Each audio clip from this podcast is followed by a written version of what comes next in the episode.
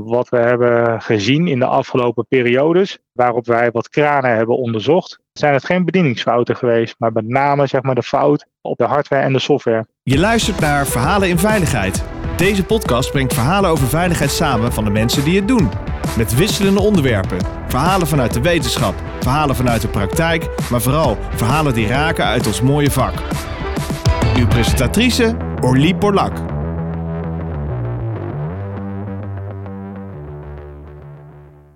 Welkom uh, luisteraars, het is weer tijd voor een uh, mooie podcast. Ik zit natuurlijk niet alleen in de studio. Ik zit hier met Ronald van Kempen Seket. Welkom Ronald.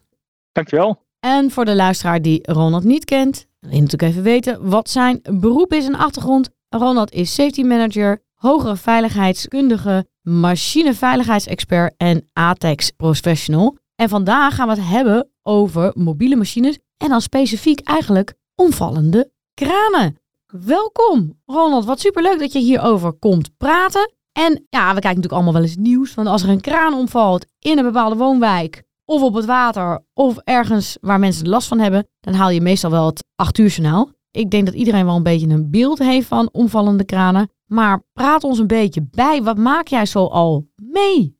Ja, dankjewel. Nou, wat maken wij mee? Ja, vrij veel. Nou, inderdaad, er vallen nog wel eens wat kranen om. Soms komt het inderdaad op het 8 uur journaal, maar veelal ook niet. Dat heeft ook te maken, zijn er dan gewonden gevallen? Zo ja, dan komt de Arbo-inspectie en ja, dan kom je eigenlijk op het 8 uur journaal of ergens op SBSS. Maar als dat niet het geval is, dan niet. Dan wordt het eigenlijk wel nou, verzwegen. Het is afhankelijk of de krant er dichtbij is en die maakt er wat foto's van. En dan wordt het plaatselijk gepubliceerd. En als dat niet het geval is, dan wordt het netjes opgeruimd en dan uh, verdwijnt het eigenlijk weer en dan wordt de schade later weer hersteld. Ja, wij vonden het wel erg interessant om eigenlijk daarin te duiken. Om te kijken van, nou, waardoor vallen eigenlijk de kranen ook om? Is dat nou echt de bediendersfout of zit daar meer achter?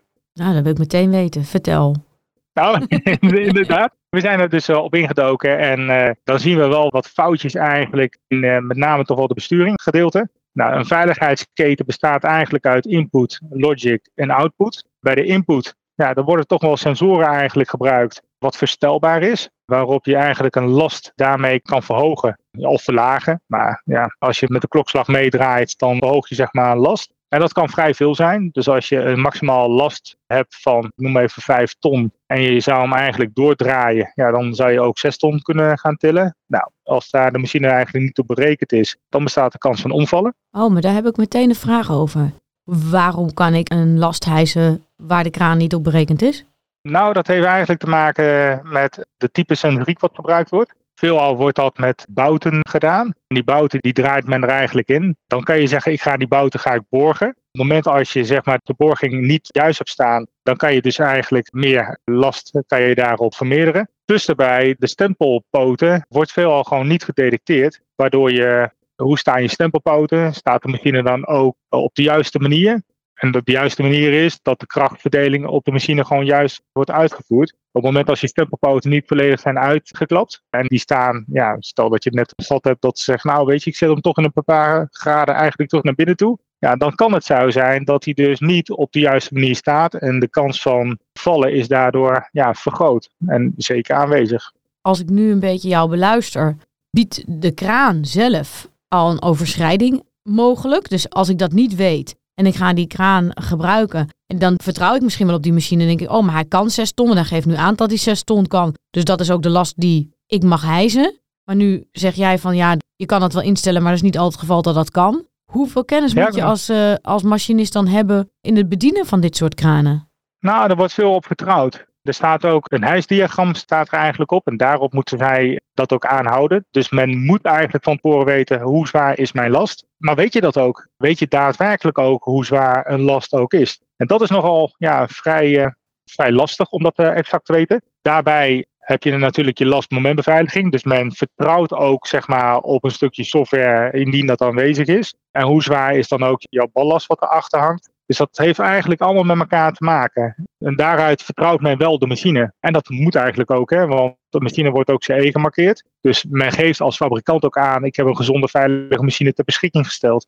Ja, precies. En je begon met je verhaal van dat er verschillende factoren zijn die te grondslag liggen van het omvallen van kranen. En dit is de eerste factor die we besproken, is hoe de kraan wordt bediend. Ja, en ik hoor al meteen een aantal dingen. Is dat je best wel veel vergaande kennis moet hebben over je last. En ik kan me echt heel goed voorstellen als je op de bouwplaats bent, dat je dat niet exact weet van alle dingen die je op dat moment moet hijsen. Dat kan me echt voorstellen. Volgens mij hoor ik je ook zeggen dat er heel wat toch digitalisering aan te pas komt. Heel veel programmering. Dan moeten ze dan dingen aflezen of zo. Hoe moet ik dat zien? Ja, dat klopt. Nou, dat ze kunnen het aflezen. Dat is afhankelijk van hoe de remote control of dat er een display aanwezig is in de kraan. Veel is dat wel zo. De sensoriek geeft dan de gegevens in combinatie met de PLC door. In de wat luxere kranen zit er ook echt een gewichtsmeting in. Veel oudere kranen bijvoorbeeld, wat we ook veel zien, zit dat gewoon nog niet in. De nieuwere kranen, die hebben ook een, ja, wat ik al net aangaf, die hebben echt een gewichtsmeting. Dus die tillen eigenlijk op en dan weten ze eigenlijk wat het gewicht daarin is. Dat wil niet zeggen dat dat bij de beveiliging hoort. Dat zijn wel separate acties, zeg maar. Daar zit dus een PLC in. En die PLC, dat is eigenlijk computer, zo het ook zien.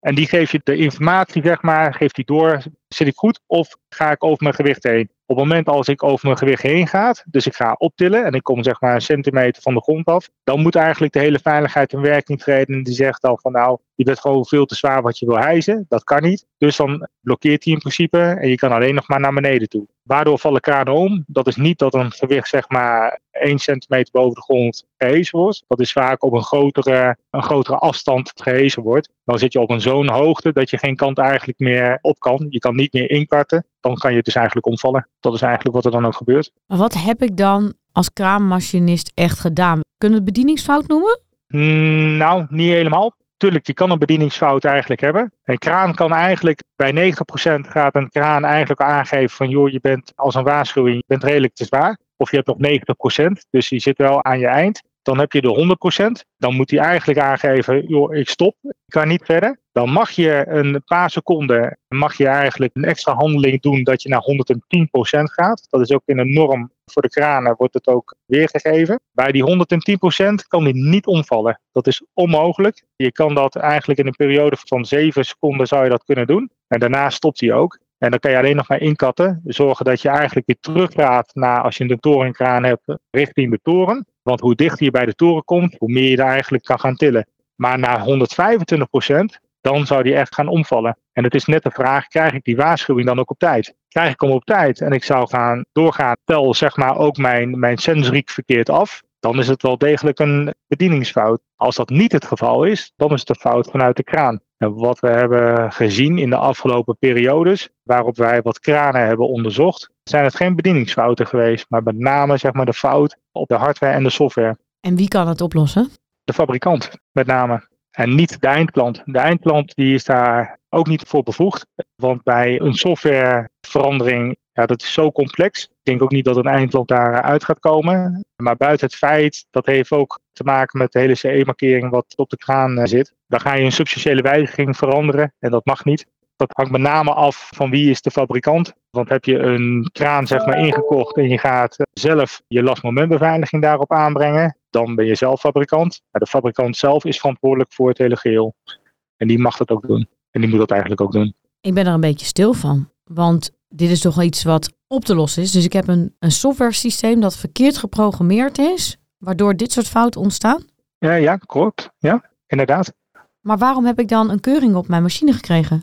Ja, dat is een hele goeie. En daar hebben we natuurlijk ook onderzoek in gedaan. En we hebben de bedrijven hebben wij ook gebeld met de vraag van we hebben jaarlijks een keuring. En die keuring, dat is wel heel mooi. Die keuring die wordt gedaan door meerdere notified bodies die daarvoor zijn aangeschreven vanuit de overheid. En dat houdt dan eigenlijk in dat zij zeggen van ja, je gaat wel heel ver. Dat doen wij niet met de keuring. Waarop wij aangaven, kijk je ook in de software mee? Kijk je ook in de hardware? Is die hardware wel gecertificeerd voor deze applicatie? En dan wordt er wel wat stiltes gebracht. En dan wordt er gezegd, ja, nee, geen idee. Oké. Dat vinden wij dan weer heel erg interessant. Want praten we over een normale PLC, praten we over een veiligheids-PLC, waar dan dus ook de performance level uh, gehaald wordt. Dus ja, die vragen die stellen wij dan sowieso. Maar wat wij nog veel belangrijker vinden, is dat bij de jaarlijkse keuring, dat zij ook gaan checken, zijn er substantiële wijzigingen aangebracht. Maar ook in die software. Maak gewoon een uitdraai van de vorige software en check dat gewoon jaarlijks met de huidige software wat er nu in zit. Dan weet je het ook. En dan ga je pas echt opnieuw de keuring jaarlijks plaatsvinden eh, met de juiste documenten wat je dan bijlevert.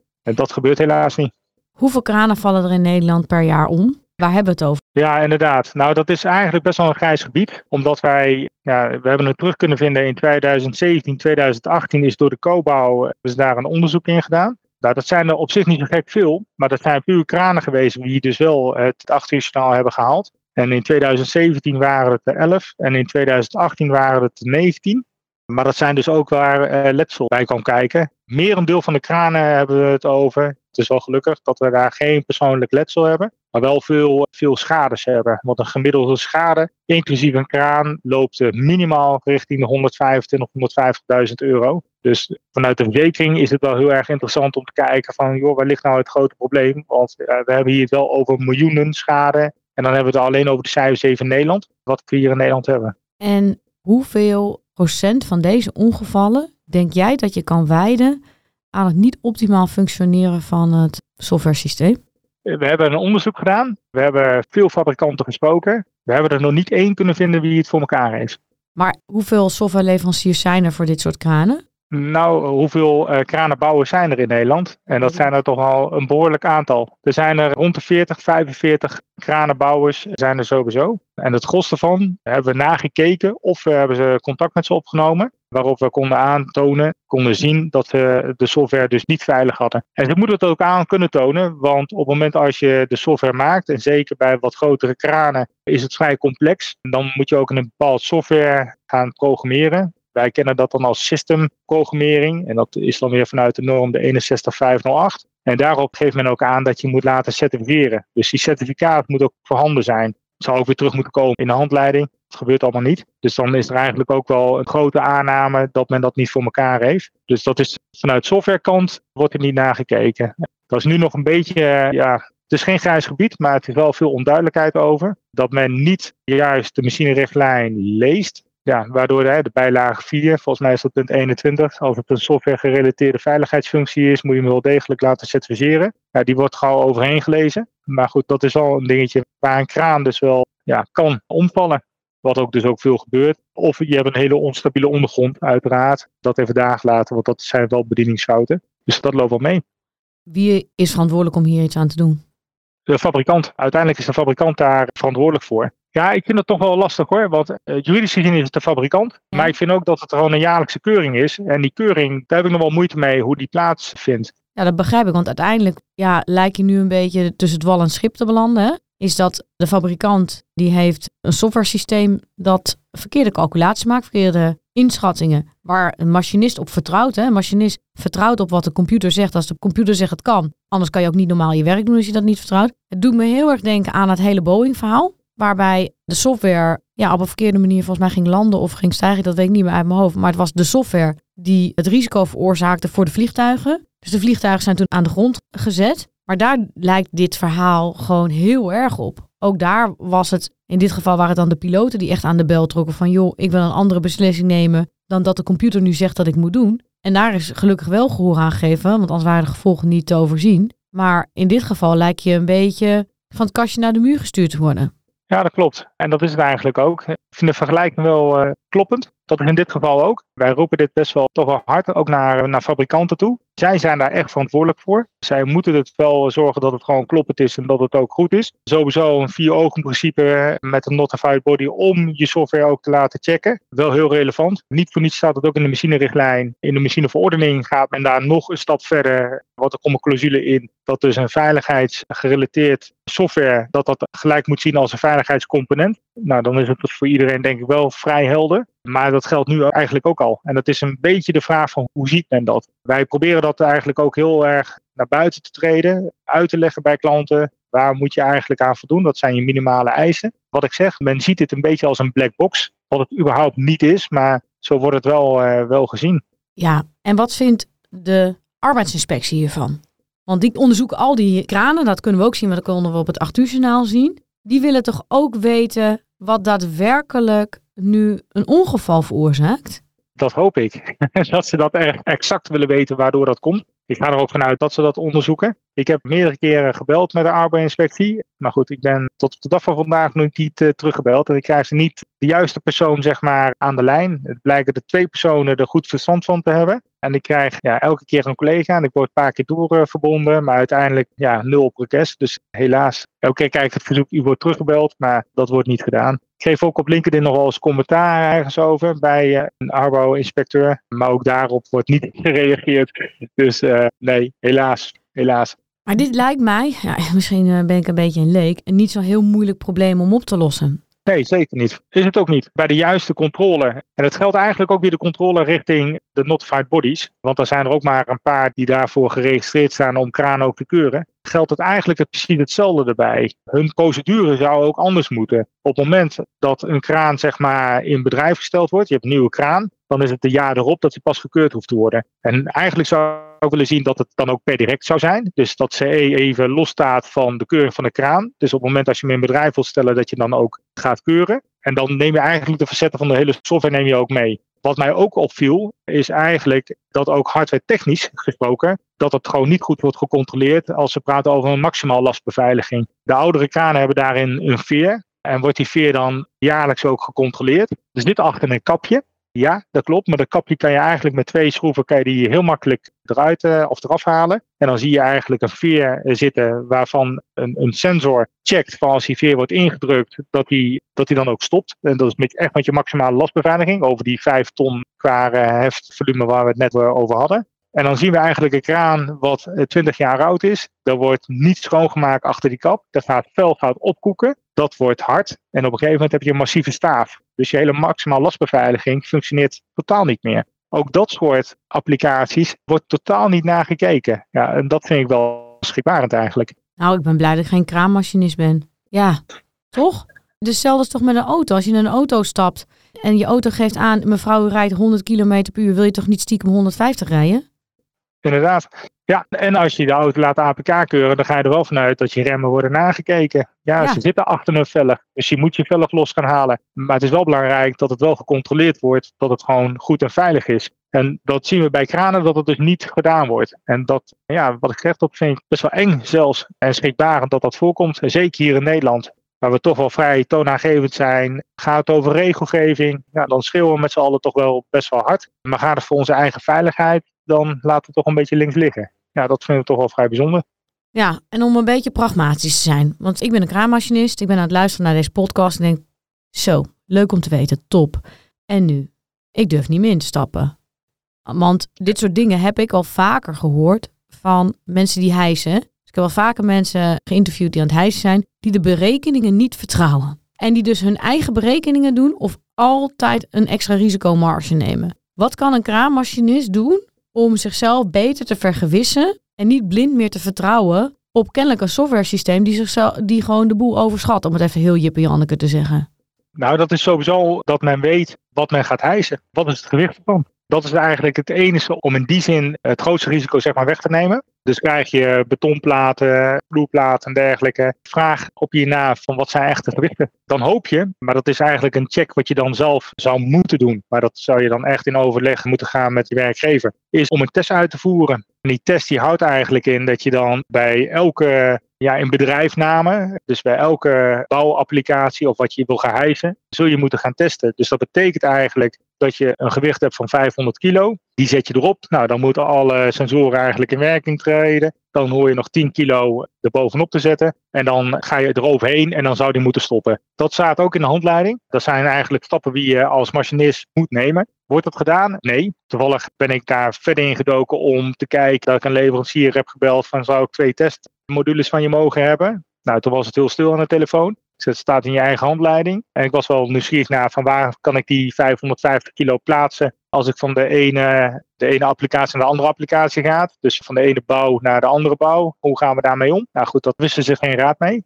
Maar goed, op zich, als je weet dat iets 500 kilo is, probeer dat als testhijsmiddel te gebruiken. Dat is eigenlijk om daar echt zeker van te zijn. Ja, en krijg je die ruimte en die tijd ervoor. Ik denk meer dat er een open discussie moet zijn vanuit bouwbedrijven. Dat ze eigenlijk een beetje in opstand moeten gaan komen om te vragen van joh, heb ik dan wel, ik koop een kraan en een kraan kost nou vanaf een uh, pak een beetje 60.000 euro tot anderhalf miljoen gemiddeld. Koop ik ook iets waar ik ook achter sta? Kan ik daar ook mijn medewerkers gewoon veilig mee laten werken? En ik hoop dat door middel van deze podcast dat men dan achterkomt van oké, laat ik toch wat meer vragen gaan stellen, ook naar mijn machinebouwer toe, mijn leverancier toe. Klopt het allemaal? En is het ook aantoonbaar? Kan je het aantoonbaar maken? En wij zeggen ja, je kan het wel degelijk aantoonbaar maken, want we leveren gewoon die certificaat toe. En laat het gewoon zien dat het gewoon kloppend is. Ja, dan wil ik jou hartelijk danken voor deze mooie podcast. Dat is het mooie van dit medium. Dan ben je in één keer geen roepende in de woestijn meer, maar er zijn sowieso mensen die naar je luisteren. En ja, ik vind dit heel waardevol. Al is het alleen maar om altijd kritische vragen te blijven stellen. Dat onderzoekende houding van jou. Ja, ik vind dat uh, heel waardevol. Dankjewel voor deze mooie bijdrage. Dankjewel, graag gedaan. Je luisterde naar Verhalen in Veiligheid. Wil je niks missen van deze podcast? Abonneer je dan op deze podcast in je favoriete podcastplatform. Of laat een recensie achter via Apple Podcast. Dank voor het luisteren. Graag tot de volgende.